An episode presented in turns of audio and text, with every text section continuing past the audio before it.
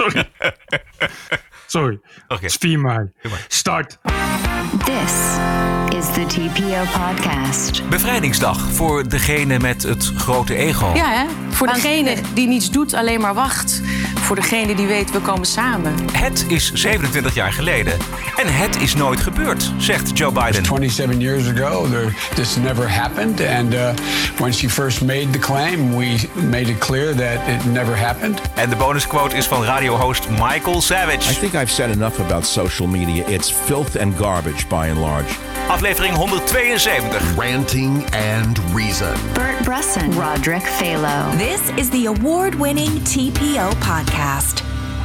En het is maandagavond 4 mei, eh, tien voor half negen. We hebben gekeken naar eh, de stilte op de Dam en de stilte op de Waalsdorper vlakte. Best indrukwekkend om zo'n hele lege dam te zien. Het is natuurlijk allemaal anders. Ja.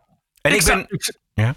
Ik zat te denken, volgens mij, is dat, vol- volgens mij moeten ze dat gewoon volhouden. Ik vind het veel, eh, ik vind het veel eh, passender eigenlijk. Qua indrukwekkend, ja. Ja, Ja, misschien wel. als veel meer bij, bij het herdenken dan. Het- Zo'n publiek, ja, het is toch altijd een beetje alsof je een, een voetbalwedstrijd hebt. Zo, weet je? Die staan er maar een beetje te staren. Terwijl je inderdaad op zo'n, je ziet, denk ik, ik heb het dus niet gezien, maar ik kan me wel een lege dam voorstellen. Dan komt dat, dat monument ook zo helemaal tot zijn recht. Ja, Dat je die mensen dan niet ziet verder. en de indruk. En over die, de indruk van de stilte, daar gaan we het zo meteen ook nog eh, verder over hebben. Maar ik, vind, ik vond het ook mooi en het kan een idee zijn om het ieder jaar op deze manier Ja. te doen. Morgen, daarentegen, is het dinsdag, dan is het bevrijdingsdag. En voor iedereen die niet met Claudia de Brij wil meezingen, is er de uitvlucht, namelijk de Safe Space. En dat is deze TPO-podcast. Heel goed. We gaan het er even over hebben, want zij zat afgelopen week bij Jinek. En laten we proberen te luisteren en kijken hoe snel het over Claudia de Brij zelf gaat.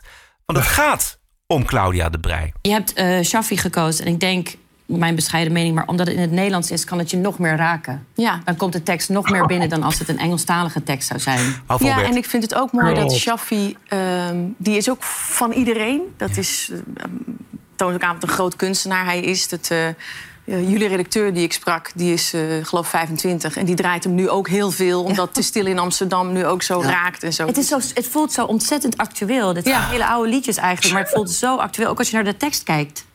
Ja, hè? Voor Want- degene die niets doet, alleen maar wacht. Voor degene die weet, we komen samen. Het is het, eh, alles zit, alles zit Ja. in dat liedje wat, wat we nu nodig hebben, volgens mij. Merk je aan jezelf dat je ehm, eh, als, als muziek kan werken troostend of eh, bijna als een medicijn, dat je dan door jouw muziekverzameling kijkt en op zoek gaat naar speciale dingen die jou een bepaald gevoel geven nu? Ja, zeker. Ik eh, merkte in de eerste weken dat ik... dat mijn vrouw ook zei, zo, ze is terug naar de basis. Want dan draai ik alleen maar Neil Diamond en Barbara Streisand. Want, eh, mijn, eh, ja, dat draaide ik als heel klein kind. Vindt zij dat ook fijn? Of is dat Nee, ik vind ze allemaal verschrikkelijk. Ze vindt sowieso Eh, bijna geen kwaad woorden over Neil Diamond, hè, want daar ben ik al ook fan van. Muziek verschrikkelijk. Oh. Ja, dat is... eh, daar werken we aan. Maar ja, ik... ik eh, Je had het even nodig. ja, ik vind het heel fijn om dan lekker... Weet je wel, Hello Again van Neil Diamond. Oh, en nu gaat het vanaf nu gaat het alleen maar over Claudia de Brij met haar muziekverzameling. Jezus, ik had dit nog niet gehoord, maar dit was wel heel ernstig. Claudia de Ik moet Brij. even van bij komen. Ja, dat begrijp ik. Claudia de Brij randt het nummer van Ramses Shaffi ongevraagd aan. Het was een van mijn lievelingsnummers, maar Claudia de Brij grist het uit ieders eigen beleving en maakt er een nationale meezinger van. Ja, dit is eh, wat eh, André Rieu met klassieke muziek deed en doet. Maar die wordt er nog succesvol en rijk van. En rijk, ja. ja. Eh, die, die gaat er nog wereldwijd. Maar Claudia de Brij eh, is inderdaad, dit is gewoon verkrachten van muziek. Alleen voor haar eigen egootje. Ik weet niet of je nog wel eens in een museum komt, Bert, maar als je in een museum staat Ja. en je staat voor een, eh, schilderij en dus daar wil je zelf van genieten, daar kijk je naar. En dan staat er iemand anders naast je Ja. en die gaat dan dat uitleggen. Die gaat dan vertellen, ja, het, dat is dat, en je moet zo kijken en je moet niet zo kijken, maar je moet zo kijken. Vreselijk. Nou, dat is dit. Ja, maar dit is, eh, dit is echt, eh, ja. De muziek van Ramses Shaffi wordt je afgenomen. Omdat, Ja, omdat en- Claudia de Brij er zo nodig een nationale meezinger van moet maken. Nou, en dan verkracht en dan weer door je strot geduwd. Terwijl je dat dan eh, dus helemaal niet wil. Ik, ik, dus helemaal niemand zit er ook op te wachten om, om Nou, zeker nu niet, om dan nog eens een keer, om dan nog eens een keer via Claudia de Brij dat nummer door je strot gedouwd te krijgen. Ik weet het niet, Bert. Ik denk dat als iedereen het gaat meezingen morgen... Ja. Op een Nee, bepaald ik- tijdstip... ik- Ik, geef het je... Ik ge- wat? Ja, ik denk dat het inderdaad ik, ik groot denk dat er wel heel veel, heel veel mensen op zitten. Dat is eigenlijk is dat het probleem. Want we kunnen dan wel de hele tijd zeiken op Claudia de Brij, wat terecht is. Ik las op geen stijl vorige week dat ze in korte tijd maar liefst 26 manifesten heeft ondertekend en mede ondertekend. In Hmm. waar? korte tijd. Oh. En de ene nog deugender dan de andere. En dan ook nog eens een keer de grap dat ze na het ene de volgende weer tegenspreekt. Omdat ze dat in het vorige heeft ondertekend dat ze dat niet zou doen. Maar dat tezijde. Maar je kan het dan wel allemaal. Maar ik zat te denken, ze had toen zo'n nummer. Mag ik dan bij jou? Eh, eh, Claudia de Brij. Nou, als ik daarnaar luister, dan heb ik vier seconden. Dan houdt het bij mij echt op met wat ik nog kan luisteren. Dat is echt je reinste kitsch die door merg en been snijdt. Maar als je ziet hoe vaak zo'n nummer dan wordt gedownload... en hoe lang dat dan op één staat... en hoeveel mensen dat prachtig zeggen te vinden... Ja, dat is Ja, echt waar. Ja, mijn moeder, gewoon- ja, mijn moeder Ja. vond het ook fantastisch mooi. Ja, maar goed, maar die was eh, heel oud, toch? Ja, die was wel 86 precies. Ik bedoel, ik bedoel, ik, ik had vroeger een, een, een, een, een- hij is overleden, maar een verstandelijk gehandicapte oom in zo'n tehuis. En die hield heel veel van, eh, van eh, Magic John en his eh, Magic Accordion. En van Frans Bauer. maar goed, weet je, daar heel het hele tehuis daarvan. Maar dat zegt niks. Maar ik denk toch, je kan dus wel het paf op Claudia de Brij. Maar Claudia de Brij vertolkt gewoon een gevoel wat breed aanwezig is in de Nederlandse samenleving. Ja, ja. Elk volk krijgt eh, de cabaretiers die het verdient, zeg ik dan. Nou, en, en elke volkskrant, Bert. Want ik, eh, ik heb, ik heb Ja. even de...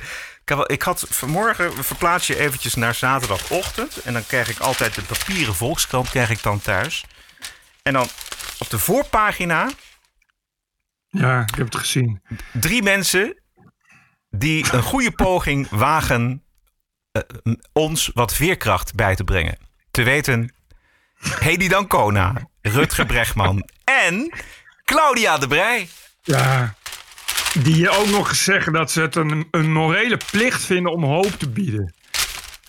Wat is dat toch bij die mensen? Ja, dit is je morele plicht om hoop te bieden. Dat is dus, dus dat je zegt: Nee, nee, Rutger Bregman, ga weg. Blijf uit mijn leven. Dan zegt hij: Ho, ho, ik ga je toch hoop bieden. Want het laatste wat ik wil is hoop krijgen geboden van Rutger Bregman. Of zeggen: Hey, die fucking Dancona. Ja. Waarvan ik niet eens wist dat hij nog leefde, maar dat tezijde. Maar dit is dus de ontvangers. De ontvangerskant, jij en ik en iedereen en alle Volkskrant... eh, Ja, maar goed. alle Volkskrant en die, die kunnen dan denken van ja, maar eh, dat is niet aan mij. Maar wat mij zo fascineert is de aanbodkant. Dus de mensen die denken Ja. dat ze die hoop moeten bieden. Dat ze dus, Ja. dus de Volkskrant belt ze op en zegt god wil je dit en dat zo en zo en dit is het thema. ja hoor, doe maar. En wat is dat voor zendingsdrang bij die mensen? Ja, dat is het. Zendingsdrang. Nee, maar eh, hoe kan het dat die mensen niet denken van... Nee, sorry, maar laat, dit maar, laat het deze keer maar aan mij voorbij gaan. Ik sta al op 26 eh, lijsten. Eh, eh, heb ik me al mijn handtekening gezet. Ik sla over. Welkom in Nederland. Dit is in, ja, Maar ik nee, bedoel, maar we, hebben, we hebben ook 17 miljoen normale mensen, om het maar zo te zeggen. Ik bedoel, het, het zijn altijd dezelfde mensen die lijsten ondertekenen, Ja. die petities. Je, ik kan je nu al vertellen dat als je een, een steekproef gaat houden onder de zaterdagse lezers van de Volkskrant, dat 80% het allemaal hartstikke ha- hartverwarmend vindt. dit soort Ja, dingen misschien heb je daar gelijk in. Ja. Nee, maar, en, maar dat, is, dat is zo. De, de, de reden. Ja, kijk, wij zitten op Twitter. Wij zitten in een bubbel. En we kennen journalisten. Dat is het wel zo'n beetje.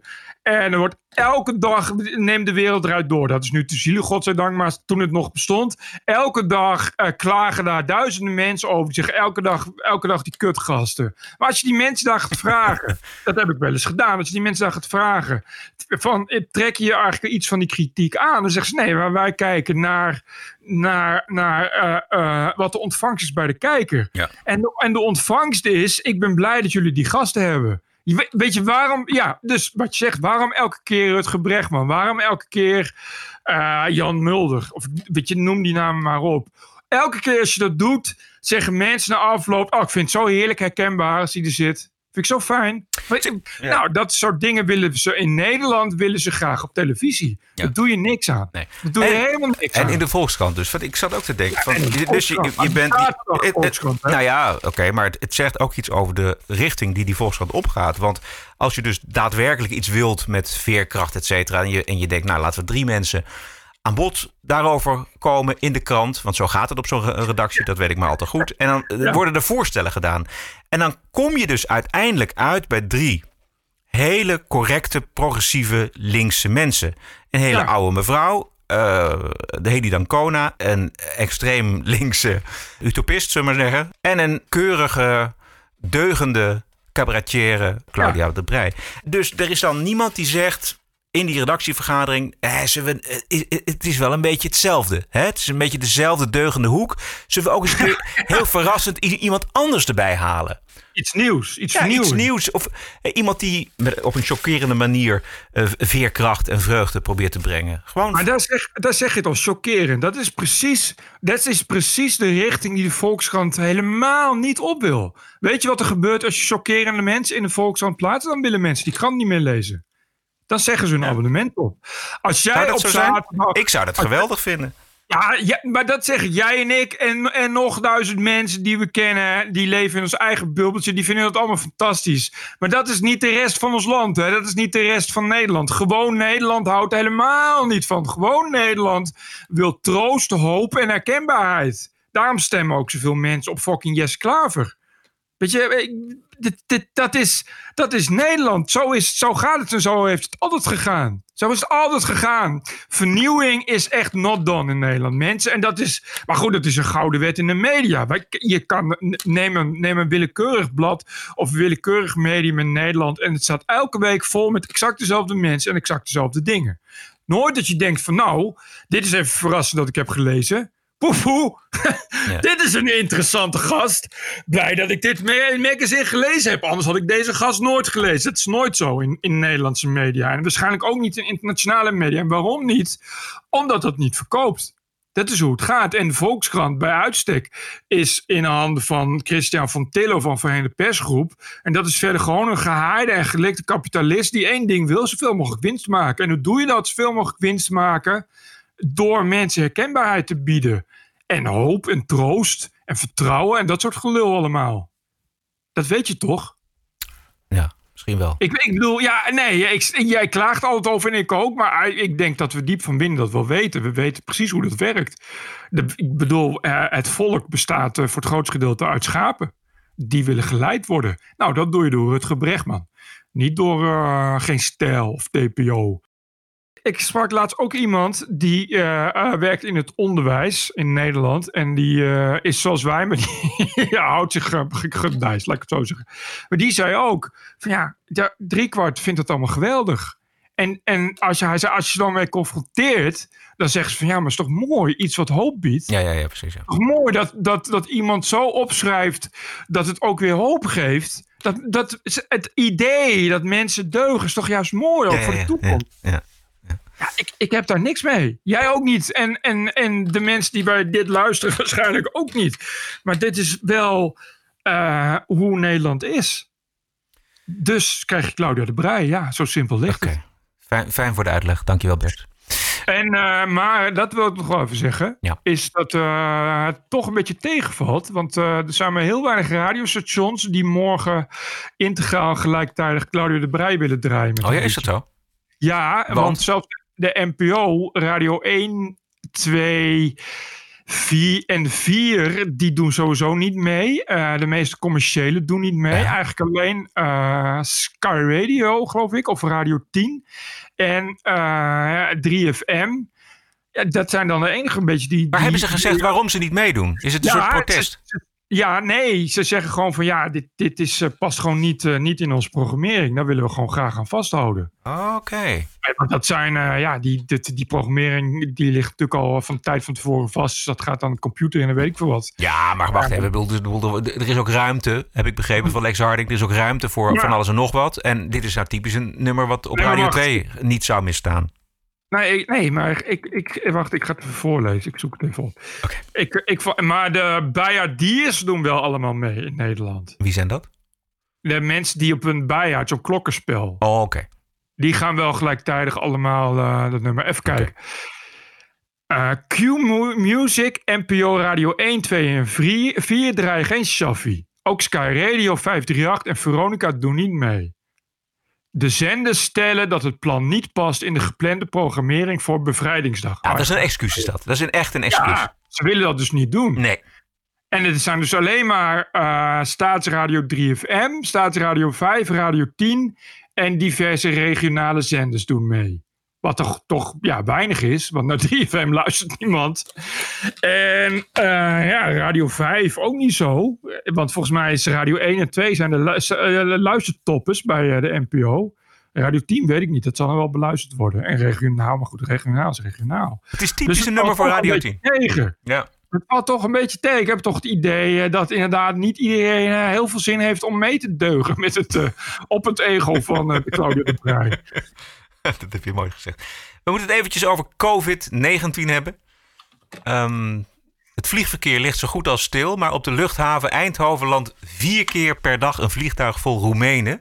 Die hier asperges komen steken en ander werk doen dat Nederlanders niet willen doen of kunnen doen. Ik weet niet precies hoe het zit. Uh, en nou is het rare dat die Roemenen eerst samen in een vol vliegtuig zitten.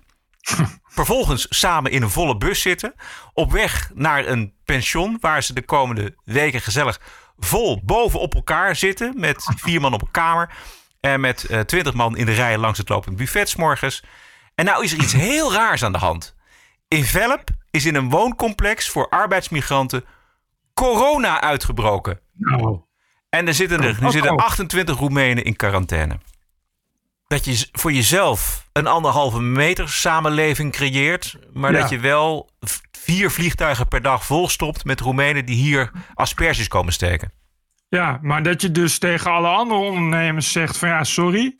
Want uh, we moeten alles doen om uh, nieuwe besmettingen te voorkomen. En dan uh, tegelijkertijd achter je rug landen de vliegtuigen vol Roemenen. Die mogen dan wel naar die ondernemers die asperges hebben. Dat kan toch niet? Dat nou kun je ja, er zijn niet uitleggen. Nou, het, kijk, anders dan in Spanje is het zo dat hier niet alle bedrijvigheid verboden is. Er zijn uh, winkels die open gebleven zijn. Dat is waar. En uh, bedrijven. Oké, maar goed. We, niemand mag vliegen. En uh, ja, wat je zegt, iedereen ja. moet anderhalve meter. Dat is al heel gesteggeld. Er zijn steeds meer mensen die zeggen van ja, dat gaat natuurlijk voor gemeten werk, anderhalve meter. Wat natuurlijk zo is. in het OV, dat gaat natuurlijk heel erg problematisch worden. Maar dan als het om die Roemenen gaat, die, die hier komen arbeiden. Voor een habbekrats. Want ja. dat is de reden waarom Nederlanders niet willen. Die willen wel, maar die willen gewoon normaal betaald krijgen. Ja. En niet, niet ver onder het minimum. Uh, ja, dan is het ineens, oh ja, nee, ja, prima. Ja, nou, ik, ik denk niet dat, uh, dat Jaap van Dissel hier blijft. Nee, nee, nee. En we moeten het ook nog eventjes hebben over de trammeland rond 50 plus misschien niet uh, helemaal onze partij, niet de partij van onze, onze, onze, onze luisteraars, weet ik trouwens niet. Maar wat ik wel aardig vond was de, de sfeer bij 50PLUS, verwoord door Henk Krol. Zondag, gisteren, bij de NOS en bij WNL. Ik heb acht jaar meegemaakt, de eerste acht jaar van de partij, dat er om de havenklap ruzies waren eindelijk twee jaar geleden met het aantreden van Geert Dalers was rust in de tent. Ik was dolgelukkig. Ik denk nu gaan we de goede kant op. En de afgelopen maand is het weer één grote pan, één grote zooi geworden. Omdat er mensen zijn met veel te veel ego. Het moet niet om die tussenlaag gaan, het moet om de mensen thuis gaan. Ja, en toen dacht ik, Bert, dat geldt natuurlijk voor eigenlijk voor alle politieke partijen. En, ja. en we zien het niet overal, maar dit speelt natuurlijk in alle partijen. Soms zien we het wel bij FVD en bij Denk zien we het uh, heel erg uh, nu. Ja. Maar het speelt ja. ook bij gewone partijen, zoals de Partij van de Arbeid Zeker. en de SP en de VVD. En de kunst is volgens mij om al die ego's eronder te houden. Exact. En, die, en de spelregels op te leggen aan die ego's. Dus op die manier de boel uh, rustig te houden. Maar dat is dus een hele kunst waar onder andere 50PLUS maar niet in slaagt. En waar Denk dus ook niet in slaagt. En... Nee, maar uh, als je met Jan Nagel en Geert Dales ja. uh, in je partij gaat zitten, dan is het wel een beetje, een beetje dat zijn uh, beide mensen die toch echt wel een heel lange spoor van vernielingen achter zich laten. Nou, ja. dat, dat is dus ja. Maar, maar, het is inderdaad iets wat Uh, dat weten we even van de SP bijvoorbeeld. Weten we inderdaad hoe, hoe grondig dat soort dingen gaan. Het is dat echt. Uh, ja, daar zijn ook mensen weggepest. Maar het, ja. je, het gaat volgens mij ook om het soort ego. Maar je hebt echt um, niet te veel ego's nodig. Want en een Geert Dales. En een Henk Krol. En een Jan Nagel, precies wat je zegt. Dat is ja, dat, dat is vragen om moeilijkheden. Precies. Um, ja, en de kunst is natuurlijk van goed leiderschap om dat dan, om dat dan aan te kunnen. Ja, exact. Maar ja, die, die, verhalen hoor je wel. In elk geval wel hoe dat wordt onderdrukt. Hoe, hoe eigenlijk dan uh, kaderdiscipline wordt opgelegd. Of uh, hoe mensen inderdaad uh, keihard in de hoek worden gezet. En dat is, dat is een onderdeel ervan. Omdat je anders dus inderdaad kapot gaat eraan. Dus de, de, de methode Wilders, zeg maar. Ja, je kan niet anders, denk ik. Nou ja, andere partijen doen het wel. Zeg maar, Wilders heeft dan, uh, is geen ledenpartij, maar andere. Nee, ja. Dus je, je, af en toe heb je die periodes. Van, we hebben natuurlijk de VVD gehad, waar het heel lang uh, een probleem was, of een tijd een probleem was tussen uh, Rutte en hoe heet ze? Verdonk. Ja, Verdonk. Ja. En dat is toen uiteindelijk beslecht. En Verdonk vertrokken. En toen ging het weer een tijdje goed. Nog steeds trouwens. Boel, het is de onbetwiste leider. Ja, ik zeg maar, je, dat, dat kan alleen door soms heel hard op te treden. Ja. En, en uh, dat woekerende ego geen ruimte te geven. Dan krijg je dus solisten. En als er te veel solisten zijn, dan weet je al snel. Dat is ook een beetje natuurlijk iets wat je in de praktijk leert. Uh, dus kijk, uh, Rutte is natuurlijk al door de wol geverfd. En ja. zijn team. Ja. En, uh, ja, maar goed, ik, ik, ik, ik bedoel, vind wel echt. En Jan Nagel en, en Dales en, en uh, Henkie Krol. Dat is, ik, ik vond het nog lang duren. Ik vind het wel altijd sympathiek, Henk Krol. Ik weet niet, hij ja, kan de raarste, vreemdste capriolen uithalen. Hè? Um, uh, wat was het ook weer? Pensioenuitkeringen niet betalen in ten tijde van de Gaykrant toen hij daar hoofdredacteur was. Maar, bij een pensioenpartij. Ja, precies. Dat was wel heel raar. Maar op een of andere manier weet hij dat toch zo te vertellen dat het helemaal niet op zich niet zo heel, heel erg is. Ja, heel sympathiek. Ja. Dat is zijn kracht natuurlijk. Nou goed. Um, en, uh, ja. En, maar, maar ja, wat ik zeg, dat soort, dat soort lui bij elkaar. En je ziet dat vooral ook hè, bij, moeilijk, dat het moeilijk is bij de nieuwere partijen. Ja, hoe komt dat om, toch? Om, omdat, omdat als je al heel lang meegaat, dan ja, dus dat zijn natuurlijk wel uh, legacy partijen. En dat betekent dat je, dat je adviseurs en je medewerkers en ook een gedeelte van, van, van, je, van je hoge ambtenaren en, en, en de mensen in je fractie daar al veel beter de weg weten dan bij de nieuwe. Dat zie je, kijk, dat zag je bijvoorbeeld bij de LPF. Ja. Dat, nadat Pim dood was. Ja. Wat, wat gaat daar mis? Uh, er gaat al iets mis bij de, bij de aanname, de ballotage van de mensen. En als je al heel lang een partij hebt, weet je dat natuurlijk veel beter. Dan haal je natuurlijk al hele andere mensen binnen. Ja. Weet je, dat, en dat, dat is iets wat je. Maar dat kun je alleen leren door dat heel erg lang te doen. Ja, en je moet dus uiteindelijk moet je dus een echt wel een goede leider hebben. Die in alle breedte wordt geaccepteerd. Als leider moet je succes hebben. Dus je moet succes hebben. Ja. En dan, dan denken de rest denkt van nou, dat is mooi, daar, gaan we, daar lopen we achteraan. Exact. En dat is dus een probleem voor D66. Uh, daar vinden vast de D66-stemmers de heer Jette buitengewoon sympathiek. Maar uh, die levert dus niet het succes waar de meeste D66'ers op hopen. Nee, en ik denk dat, dat veel ego's daar ook uh, overheen gaan lopen. Of in elk geval dat proberen. Wat natuurlijk bij iemand als Pechtold...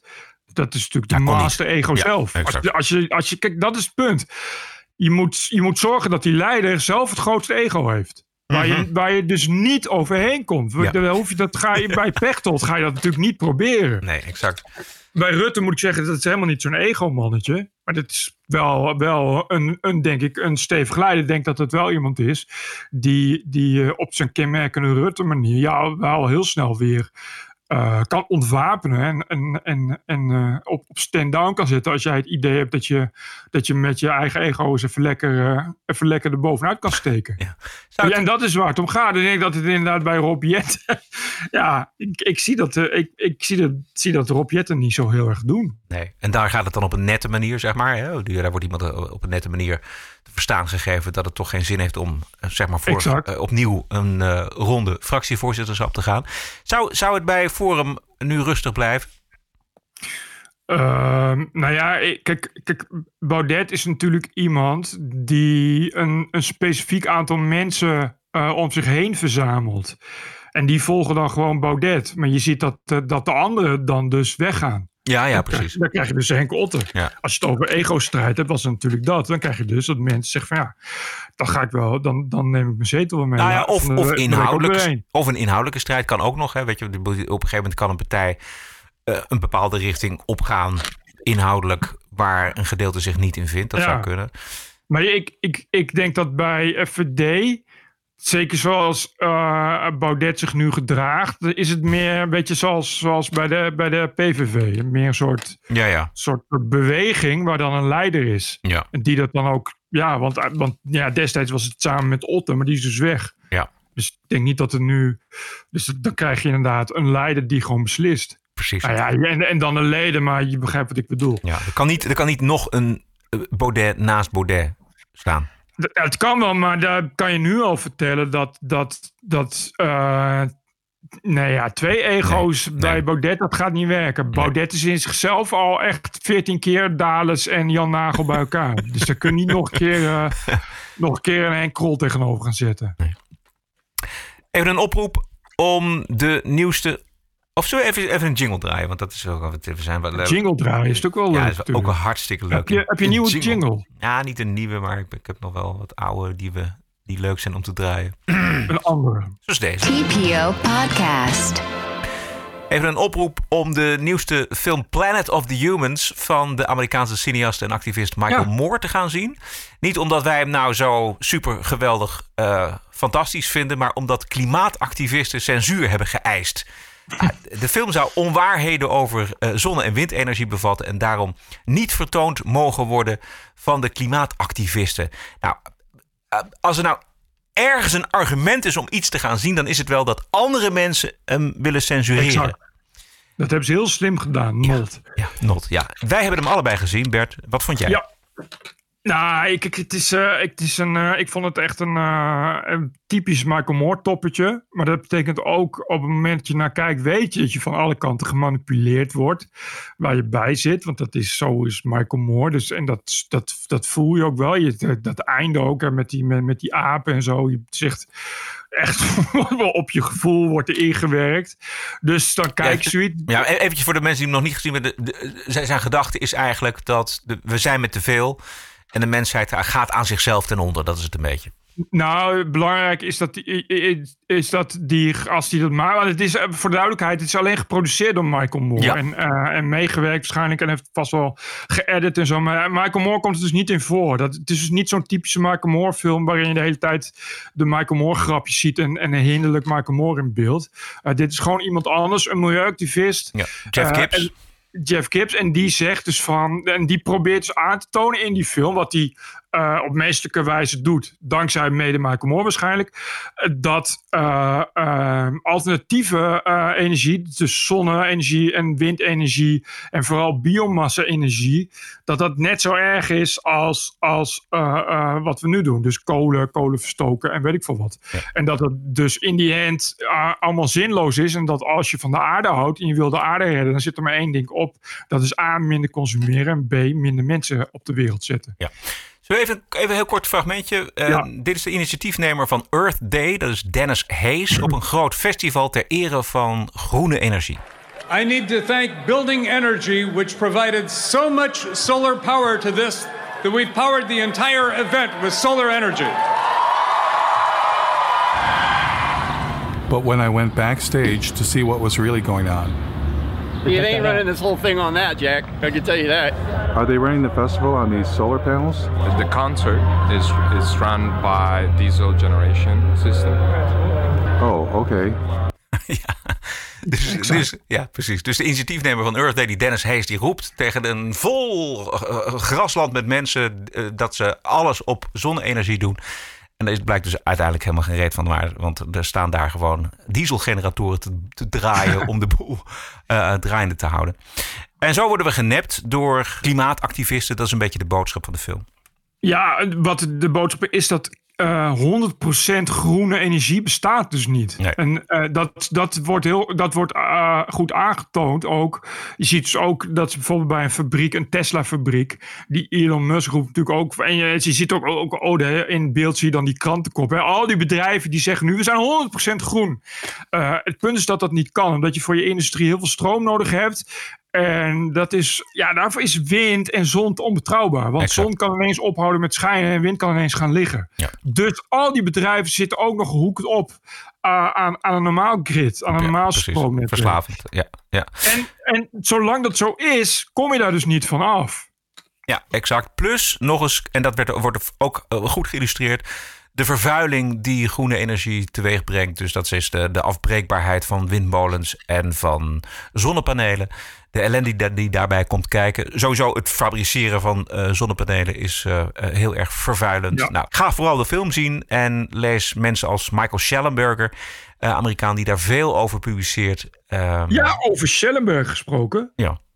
Er is één ding wat opvallend mist hè, in die documentaire. En dat is nut van kernenergie. Ja, exact. Ja, daar, daar branden ze hun vingers niet aan. Jammer Nee. genoeg. Jammer, ja. Terwijl nog steeds vind ik dat dat de oplossing is. Ja, dat vinden steeds meer mensen gelukkig. Gelukkig wel. Ja. En Schellenberger, die is daar ook voor. Ja, zeer voor, ja. Maar dat, eh, dat is wel, dus je ziet wel in die film dat het echt door, door zo'n milieufundamentalist is gemaakt. Dat, dat wordt gewoon genegeerd. Ja. Kernenergie. Ja, een oplossing wordt er niet gegeven. Dat is inderdaad ook wel de kritiek. Nee, het is heel, eh, heel cynisch en nihilistisch. En ik heb wel ook eh, de reacties erop gelezen. Ook van die, oh heet die, de, een van die gasten die erin zit. Die van dat, van dat 350.org. Ja. Dat is zo'n zo'n bekende activist. En die heeft daar wel eh, uitgebreid op gereageerd.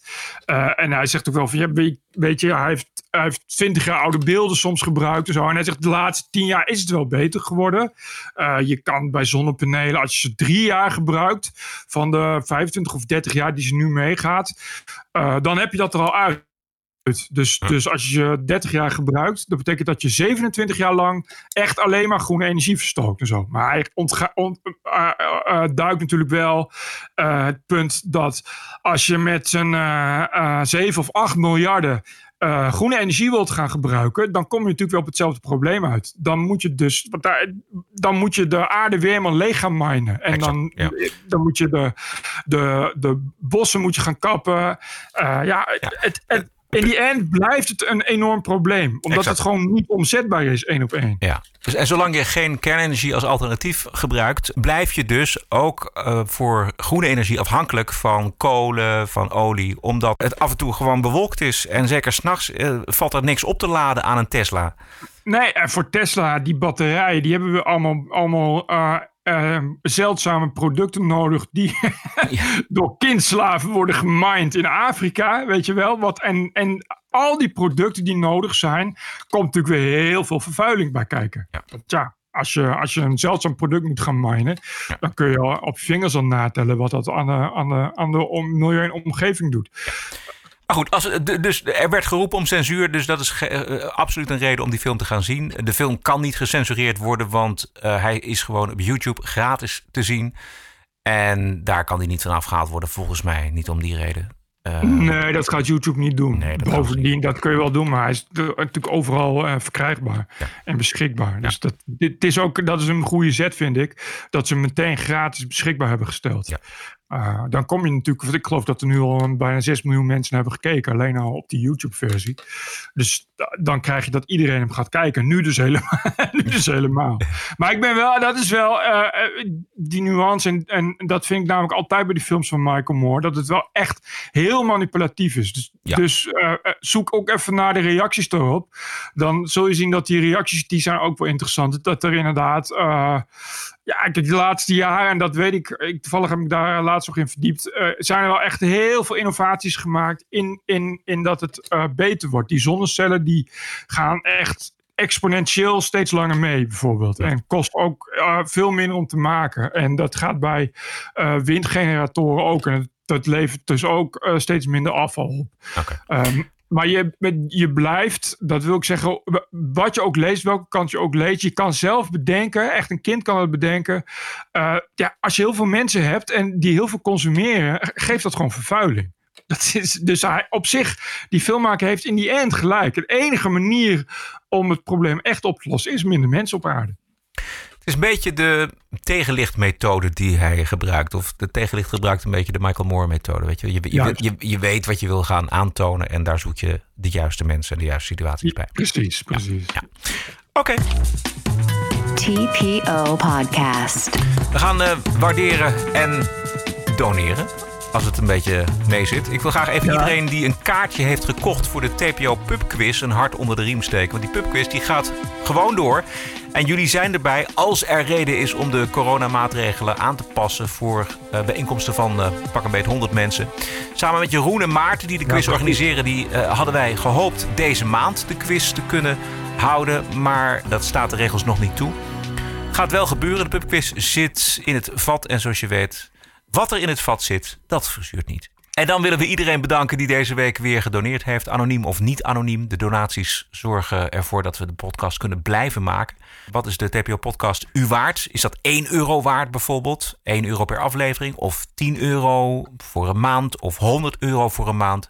Verbind een bedrag aan de podcast en ga naar tpo.nl slash podcast.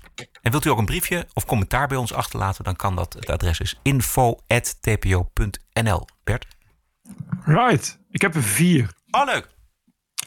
Deze is van Herman de Man. Beste Roderick en Bert. Luister al enige tijd geregeld naar jullie podcast. Deze behoort tot mijn Nederlandstalige favorieten. Vandaar dat ik om mijn waardering te laten blijken patron ben geworden. Voor het beperkte bedrag van 5 euro per maand, maar goed, alle kleine bijtjes helpen. Zeker. Dat klopt.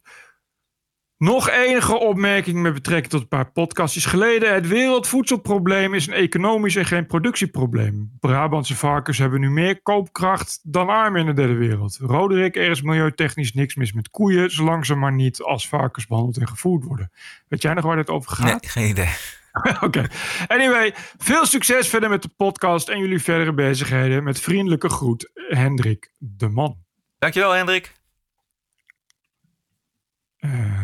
Next, George van Bergen. Beste Bert en Roderick, als vaste luisteraar weet ik dat jullie wekelijks zorgen voor de nodige dosis echte diversiteit in de nieuwsduiding. Veel dank daarvoor. Maar uitzending 171 verdient een bijzondere pluim. Jullie zijn de enige, echte, allerenigste die op een objectieve manier de feiten hebben gepresenteerd en geanalyseerd rond de omstreden opmerking van president Trump over het injecteren van ontsmettingsmiddel. Ik heb de opname gezien en gehoord en me verbijsterd over het feit dat alle, echt alle Nederlandse journalisten die ik over heb gehoord en gezien, klakkeloos de frame van de MSM herhaalden. Alsof we behalve jullie alleen maar Eva Jinek in de pers hebben. Ik heb net 25 euro gedoneerd. Ga zo door. Met groen, vriendelijke groet vanuit Madrid in Spanje. George van Bergen. Geweldig, George. Dankjewel. Dit klopt wel wat hij zegt trouwens. Ja? Ik zag het ook. En ik zag het vandaag nog. Het blijft maar gewoon doorgaan. Ja, ja zo gaat Het ook. alsof er gewoon eh, geen, geen enkele check meer... Eh, Peter de Jonge. Beste Bert en Roderick, ik luister nu een jaar naar jullie verhelderende podcast. Het is mijn wekelijkse hoogtepuntje in mijn relatief saaie kantoorwerk. Zeker nu ik de achtste week inga van het thuiswerken, zit ik elke dinsdagochtend klaar om te luisteren en word zenuwachtig als de podcast om 11 uur nog niet is geüpload. Hoor je dat, Bert? Web- ja, website verversen to the max. Moet eerlijk zeggen dat sinds ik de podcast van jullie ben gaan luisteren, ik niet meer zonder ergernis en verbazing naar de reguliere nieuwsberichten op radio en tv kan luisteren. Nou, welkom in our world. Het heeft mij een andere kijk gegeven op het voorgeschoten nieuws, wat naar mijn mening niet echt van alle kanten komt. Ik verlang dan ook wel eens naar de tijd dat ik alles blind aannam en lekker onbezonnen kon luisteren. Dat neem ik jullie vriendelijk kwalijk, knipoog. Ik doe graag een donatie en stort 52 euro voor elke week luisterplezier. Want een Ah, jaar. geweldig. Ga vooral door met vriendelijke groet. Kijk, dat vind ik nou... Ik, ja. Peter de Jonge. Vind ik zo'n mooi eh, idee. Gewoon die 52... Het, gewoon twee, het hoeven maar 52 euro's te zijn. Eh, want dat levert ons iedere week een euro op voor een podcast. En als iedereen dat nou doet, ja, dan kunnen we er gewoon ook meer maken. Gaan we meer tijd besteden. Ja, dan kunnen we gewoon ander werk een beetje laten en meer tijd besteden aan de, aan de podcast. Het is maar 52 euro per jaar. Ja, voor iedere week 1 euro. Ja, als nou iedereen, alle luisteraars, 1 euro per week doneren, ja. met 4 euro per maand, dan hebben we zeg maar 10.000 euro per week. Voor iemand anders inhuren voor de post online en dan uh, kan ik veel meer podcasts maken. Ja, en dan zijn er natuurlijk altijd Maar weer ja. momenten dat het wat minder gaat of zo, maar dan, dan kunnen we iets opbouwen en nou, het zou, dat zou geweldig zijn. Je had er nog één. Ja, je weet, je weet het maar niet. De laatste is een meisje. Ingrid Nijhout. Of een vrouw. Of een vrouw, dat sorry. Beste Bert en Roderick. Bijna vanaf het begin van de TPO-podcast luister ik wekelijks met veel plezier. Jullie kijken op het nieuws is verfrissend en jullie brengen het op onafvolgbare wijze. Alweer ruim anderhalf jaar maak ik via Patreon een kleine bijdrage over. Ik hoop nog ve- van vele podcasts te blijven genieten. Ga zo door. Hartelijke groet, Ingrid Nijhout. Dankjewel Ingrid. En wilt u ook ondersteuner worden van de TPO-podcast? Dat kan met ideeën of suggesties. Mailen kan naar info.tpo.nl. En een financiële ondersteuning stellen wij, zoals gezegd, op hoge prijs. Waarderen en doneren kan op tpo.nl slash podcast. This is us. This is our country.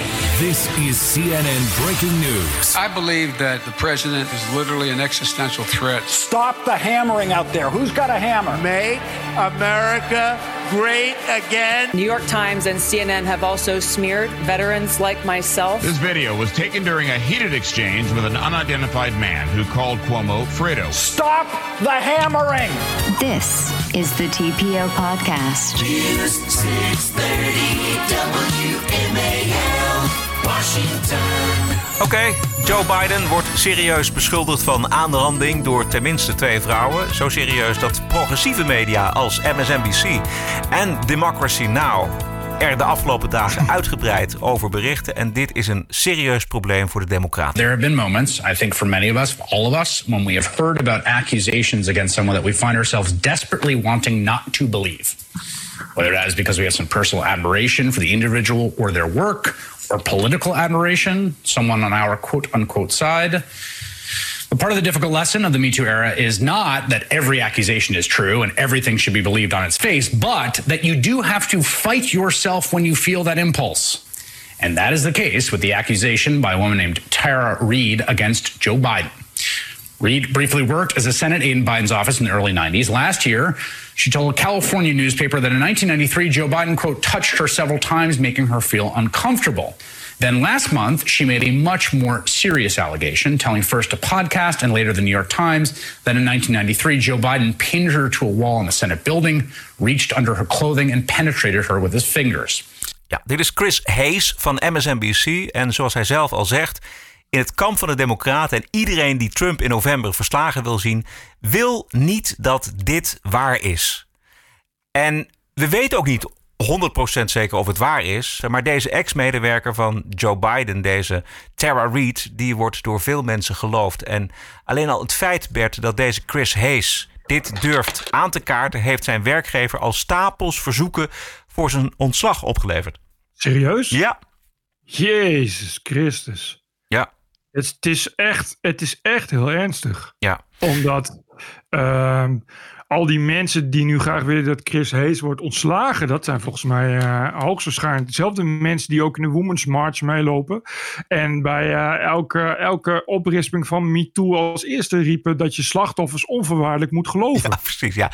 Dat is, het, het is, maar daarom is het ook zo fascinerend. Ik bedoel, laten we wel wezen, het, het kan net zo goed niet waar zijn. Er zijn ook heel veel uh, aantijgingen mm. richting Trump gegaan die uiteindelijk niet waar uh, bleken te zijn. Maar uh, vooral het gedrag van de Democraten en het gedrag van hun aanhang is uh, fascinerend, vind ik, de afgelopen dagen. Maar laten we eerst eventjes naar de zaak zelf gaan. Het meest ernstige geval gaat dus om de aanranding uit 1993. De senaatsmedewerker waar het om gaat heet Tara Reid.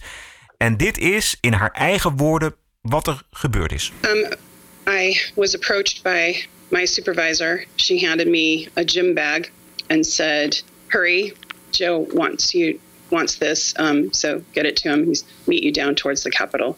And I went down the stairs, and I don't remember exactly where I was um, because there's connections between the Russell Building and, and all of that and the corridors. But we were in a semi-private location. It wasn't a room. It wasn't the Russ, you know, the Russell office building. It was, I mean, in the Russ, his office. It was down in the corridors, and um, I handed him the gym bag, and then he it was one, as I described, fluid moment. He was talking to me and he said some things that I don't recall. And I was up against the wall and he, I remember the coldness of the wall. And I remember his hands underneath my blouse and underneath my skirt and his fingers penetrating me as he was kiss, trying to kiss me and I was pulling away. And he pulled back and he said, Come on, man, I heard you liked me. But he was angry. It was like a tight voice. And he tended to smile when he was angry. And he isn't like the Uncle Joe, like everybody talks about now. He was younger. He was my dad's age at that time and very strong. And he looked insulted and angry. And I remember feeling like I had done something wrong when he said that statement. And then I was standing there when he said, he was still near me. He said, pointed his finger and said, You're nothing to me. You're nothing. And he walked away. And I don't remember exactly where I went after. I think I went to the restroom to clean up, but I don't remember precisely. The next memory I have is sitting on the cold stairs in the Russell building backstairs where the big windows are. And I remember just my whole body shaking. And I remember knowing that knowing that I had made him angry and that my career was probably over. Het is very powerful. Ja, vond ik ook. Nog niet zo lang geleden hebben we de conservatieve rechter uh, Kavanaugh gehad. Uh, die Trump wilde in het Hoge Rechtshof. En daar kwam ook een mevrouw, Ford heette ze. En toen werd er gezegd, um, met name door Joe Biden en door de Democraten: je moet deze vrouw op voorhand geloven. Precies. He, want bewezen krijg je dit nooit helemaal 100%. Nou zat vrijdagochtend Joe Biden in de ochtendshow van MSNBC. Dit was vraag 1. Would you please go on the record with the American people? Did you sexually assault Tara Reid? No, it is not true. I'm saying unequivocally, it never, never happened. And it didn't. It never happened. Do you remember her? Do you remember any any types of complaints that she might have made? I don't remember any type of complaint she may have made. It was 27 years ago. And uh, I don't remember, nor does anyone else that I'm aware of. And uh, the fact is that I don't remember. I, I, I don't remember any complaint ever having been made. Have you or your campaign, have you reached out to her? No, I have not reached out to her. It was 27 years ago. There, this never happened. And uh, when she first made the claim, we made it clear that it never happened. And uh, that's as simple as that.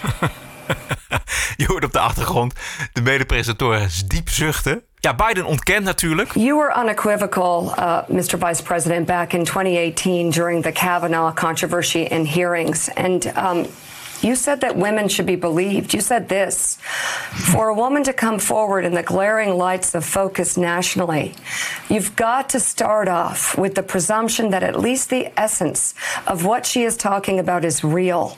Whether or not she forgets the facts, whether or not it's been made worse or better over time. She's going to be going on national television on Sunday. Tara Reid is coming forward in the glaring lights. To use your words, should we not start off with the presumption that the essence of what she's talking about is real? She says you sexually assaulted her. Look, from the very beginning, I've said believing women means taking the woman's claim seriously when she steps forward and, and then vet it, look into it. This, this, that, that's true in this case as well.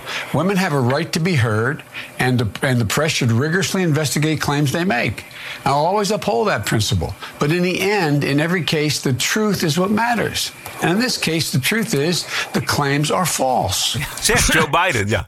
Kijk, er is een klacht, maar die is zoek. En volgens een reporter van de Business Insider ligt het bewijs ergens anders. De zoektocht gaat verder. Dus in die Kavanaugh-zaak was er een vrouw, Christine Ford, die het ook niet kon bewijzen, maar die wel geloofd werd door de top van de Democratische Partij, ja. inclusief Joe Biden. High-level Democrats said she should be believed, that they believed it happened. You said if someone like Dr. Ford were to come out, the essence of what she is saying has to be believed. Has to be real. No. Why? And no, what I Why? said, it has to Why is it real for Dr. Ford, but not for Tara Reid? There, because the facts are that look. She, I'm not suggesting she had no right to come forward, and I never, and I'm not saying any woman they should come forward. They should be heard, and then it should be investigated. It should be investigated. Well, uh, I'm going to try and ask many different ways. Uh, Stacey Abrams uh, said during the Kavanaugh hearings, I believe women. I believe survivors of assault should be supported and their voices heard. Kirsten Gillibrand tweeted, Do we believe women? Do we give them the opportunity to tell their story? We must be a country that says yes every time. They now both support you. Nancy Pelosi falls into this category too, as well as many other leaders in the Democratic Party. Are women to be- be believed? Are women to be believed unless it pertains to you? Look, women are to be believed given the benefit of the doubt if they come forward and say something that is ex- that they said happened to them they should start off with the presumption they're telling the truth. Then you have to look at the circumstances and the facts. And the facts in this case do not exist. They never happened. Kijk, dat gold ook voor Kavanaugh. Ja, maar toen gold het dus niet. Nou ja, eh, v- vanuit het Trump-kamp natuurlijk wel. Er werd ook heel erg gezegd van ja, bewijs het maar, bewijs Ja. het maar. En dat is, het is, het is som, in sommige gevallen is het niet te bewijzen. Dus het gaat om de geloofwaardigheid. Maar we hebben ook e- eindeloos veel voorbeelden gehad natuurlijk Bert... van mensen ehm, die hebben gezegd... in eerste instantie, dat is eh, mij overkomen. En in tweede instantie eh, hebben ze gezegd... nou, eigenlijk is het allemaal onzin. Hoor, ja, dit- nee, precies. dat is die, die, die, die pornoactrice die nu ontkent dat ze een relatie met Donald Trump heeft gehad. En dat ja, het, eh, ja. Je- Wat je hier hoort is toch eigenlijk alles wat Biden zelf heeft gezegd, komt nu als een boemerang vol Ja. in zijn gezicht terug. En daar heeft hij gewoon geen antwoord op. Ja, ja Of precies. geen antwoord op. Hij zegt, of, hij zegt nu de hele tijd van ja, allemaal leuk en aardig, maar het is niet waar. Maar dat zegt hij zelf. Maar wa- wat ik het meest opvallende vind, is natuurlijk dat er vanuit Pelosi en vanuit de democratische top natuurlijk met paniek wordt gereageerd en wordt gezegd, ja, maar hier, hier klopt allemaal niks van. Eh, en dat ze zo inconsequent als de neten zijn als je dat vergelijkt met Kavanaugh. Ja, hypocriet. Ja. Hypocriet tot en met. Weet je, en, en, en, eh, ja, ik, ik, ik, ik, dat gaat, dat gaat gewoon, dat gaat gewoon diep. En ik denk dat dat voor, eh, ook wel voor vrouwen die daar destijds wel veel hebben gehad aan MeToo, dat wel een beetje een dolk in hun rug is inmiddels. Want nu ineens blijkt het allemaal eh, voor één persoon niet te gelden. Ja, en je Dan ziet dus dat het allemaal politiek is, precies. Ja. Het, is al, het is bij Kavanaugh was het een politieke actie van de Democraten. En door de reactie nu van de Democraten is hetzelfde, is ook weer politiek. Dit is wel een beetje eh, de hele MeToo eh, ten graven dragen. Op deze manier. Zo, zo heeft het niet zoveel zin meer natuurlijk. Omdat je nu ziet hoe, wat, daar dan kennelijk, kennelijk de, de echte waarde van was. Ja. Je, dat, de, de echte waarde is dat het alleen geldt voor de mensen waar je ook, ook, ook echt iets op tegen hebt. Dat hebben we gezien bij Kavanaugh. Dat is toch echt eh, een, een, een, een volledige heksjacht geweest. Ja. Terwijl we nu, en de Kavanaugh was, was dan ook nog gebeurd in zijn ja, studententijd. Dus nog niet toen hij eh, een hoge, eh, belangrijke, belangrijke machtsfiguur was. Ja. En bij Biden wel, want dat andere meisje, die heeft niet zo'n hele grote zaak. Die zegt eigenlijk alleen maar dat ze zich eh, ja, bekeken voelde. Hè, uitgekleed met de ogen toen ze 14 was. Maar ook, ook daar weer was Biden al, al het zat bij- in, wat in het congres. Ja. Weet je, dus hij was al iemand met macht. Dus dat is toch wel een heel verschil. Ja, dat vind maar ik nu ineens is het stil. Dus al die slachtoffers die worden nu eigenlijk wel een beetje... Ja, eigenlijk een beetje door de democraten uit een rijdende auto gegooid. Van sorry, nu hebben we jullie even niet nodig. Het komt niet lekker uit nu we Biden als president willen hebben. Je drukt het nog voorzichtig uit, want dit komt Ja. natuurlijk rampzalig uit voor de Democraten. Want als, Ja. als dit een slepende kwestie wordt, dan kunnen de Democraten dit echt vergeten in november. Wat gaat er dan gebeuren? Want eh, eh, dit is de officiële kandidaat, Biden. Ja. En wat als die, als die morgen zegt, ik, ik doe het toch niet? Wat, wat, hoe werkt dat dan? Ja, dan, dan denk ik dat er uit eh, al die kandidaten de beste naar voren wordt gehaald. En Ja, dat, ja. dat zou Elizabeth Warren kunnen zijn of iemand anders. Ja. Ja. Maar dat, dat moet dan toch ook weer langs zo'n congres en dat soort dingen. Ik bedoel, we- dat moet dan, dat, maar goed, dat, dat is wel echt een serieus probleem, laat ik het zo zeggen. Ja. Ja. Vooral, vooral als het nog even duurt. Hoe dicht, je, bij- hoe dicht je bij november bent. En, eh, en stel dat hij dan valt. Stel dat hij in oktober blijkt hè, dat er bewijzen zijn. Ja, dan moet hij opstappen. Ja. dan heb je dus helemaal niemand meer voor nog precies op het laatste moment. Het kan dus allemaal heel, heel verschrikkelijk worden. Want ik had gezien, eh, iemand wees me op een, een Twitter-draadje, een heel lang draadje, van iemand die had eh, in, al in 2017, dus die is al drie jaar oud, eh, die had dus al destijds al getwitterd over de geloofwaardigheid van die vrouwen die over Biden klagen. En, hij heeft, en daar heeft hij een hele reeks van screenshots, van filmpjes, waarin je continu Biden staat continu tegen die vrouw op te rijden. Ja, schuw. Hij staat de hele tijd ook achter ze, de hele tijd handen op ongelukkige borsten, plaatsen. ja. En, maar ook dus, en, en daar, daar had die Twitter ook citaten van, van, van kinderen, jonge vrouwen. Die dan de hele tijd, die dan dingen zeiden als van ja, het was eigenlijk de bedoeling dat ik, dat ik een leuk selfie ging maken. Ineens ging die me op mijn wang kussen. Weet je, alleen maar, en maar daar staan er echt ook allemaal, echt allemaal screenshots. En als je naar kijkt, word je er gewoon naar van. Zo'n hele vies oude man die continu, echt continu, altijd weer dicht bij die vrouwen staat. En altijd inderdaad. Ja, je ziet ook zo'n filmfragment dat die, nou dat is een eh, andere politica, die houdt hij dan vast, maar net te lang. Weet je, je ziet bijna die vrouw nog niet dat ze probeert weg te duwen. Dus ja, je gaat dan toch denken van, ja, ik begrijp dan wel een beetje waar, waar dan dit soort vrouwen het over hebben. Het is natuurlijk gewoon een Precies. beetje, ja. Ja, ja. Creepy Joe. Zullen we één, één vraag doen uit dat interview? Ja. If you could speak directly to Tara Reid about her claims or anything, what would you say? Dat is echt een geweldige vraag. This never ever happened. I don't know what is motivating her. Ja, dit is, dit is ongelooflijk. Hè? If you could speak directly to Tara Reid about her claims or anything, what would you say? This never ever happened. I don't know what is motivating her. Dit heeft hij zich voorgenomen. It never happened. En Precies. dat is wat hij voortdurend herhaalt. Het is niet echt een gesprek. Maar ik vond, wel, ik vond het eigenlijk ik vond het heel goed. Ik vond het een goed interview. Omdat Ja. MSNBC zo op de hand van Biden is. En zo Ja. kritisch is naar hem nu. En ook naar de democraten die het opgenomen hebben voor vrouwen. en nu is laten afweten. Ja.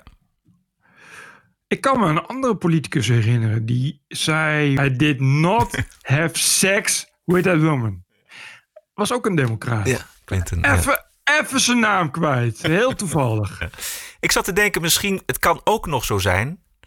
Als het niet waar is en het is politiek ingestoken, dan zou het ook nog vanuit de Democratische Partij kunnen komen. Hè? De, de, de boel die partij is zo verrot als ik weet niet wat. We kennen allemaal de serie Ja. eh, House of Cards. Nou, dat, is, dat, is, dat draait helemaal om die Democratische Partij.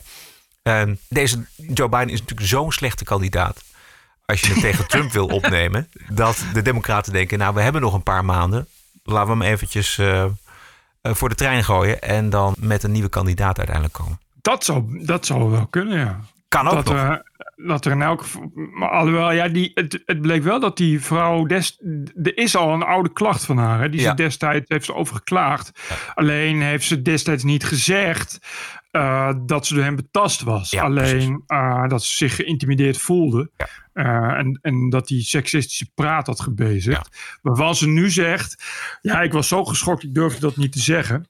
Uh, dat maakt het voor haar niet sterker, maar dat betekent wel dat ze dus niet helemaal ligt. Je kan dus niet zeggen dat ze is opgezet door de Republikeinen, omdat ze destijds al, al, al inderdaad er echt over heeft geklaagd. This is the TPO podcast. En de bonusquote is van de Amerikaanse talkshow-host Michael Savage. Hij had iets gezegd over Trump. Hij had kritiek op Trump. En werd overladen met haat. Why do you assume that if I give you the science connected to a drug that was dangerous, it was anti Trump? Why do you make that assumption? Which leads me to the next statement. It's why I am no longer on social media. You may not know this because many of you listen to the radio and you're not on Twitter or Facebook or Instagram. I uh, terminated it on temporary suspension on Sunday. I had enough of the idiots. And I posted something that I'll read to you because I put it on my free site, michaelsavage.com, and I put up a, a notice. And here's the notice it says, temporarily closed owing to the low IQ, vicious haters who live on Twitter, Facebook, and Instagram. Michael Savage is suspending his posts Visit him at michaelsavage.com. He will no longer cast pearls before swine. His radio program can be streamed on all streaming sites. So people say, oh, you can't take the heat. Oh, I can take the heat. If I were arguing facts with people, I'd be glad to stay on it. But I was getting anti Semitic Nazi scum. I was getting people attacking my family, and I didn't want to put up with it anymore. And I don't believe I am obligated to put up with you low life scum who think that because you can type six letters, you're my equal. You're not Yes. equal to the dog droppings on the bottom of my shoe after I walk through a pigsty. I think I've said enough about social media. It's filth and garbage by and large. Twitter is the sewer pipe of the mind. And I'm not going to sit and take my intellect and my education and waste it on you anymore. And that's why I'm off. Yeah. Right. He's right. Right, heel erg. Zeker de laatste tijd. Ja. Goed, nou dat is toch eventjes aardig mee eh, af te sluiten met deze man. Tot zover aflevering 172. Wij bedanken iedereen die deze week gedoneerd heeft aan de TPO-podcast. Dat kan, zoals gezegd, anoniem. Dat kan ook met naam en toenaam. In dat laatste geval laat het ons weten via een berichtje en ons adres info.tpo.nl. Financiële ondersteuning kan op een aantal manieren. Kijk op tpo.nl slash podcast. En wij zijn terug dinsdag 12 mei. Heb een mooie week en tot dinsdag. Jij ook, Glenn. TPO Podcast. Bert Bruson, Roderick Balo, Ranting and Reason.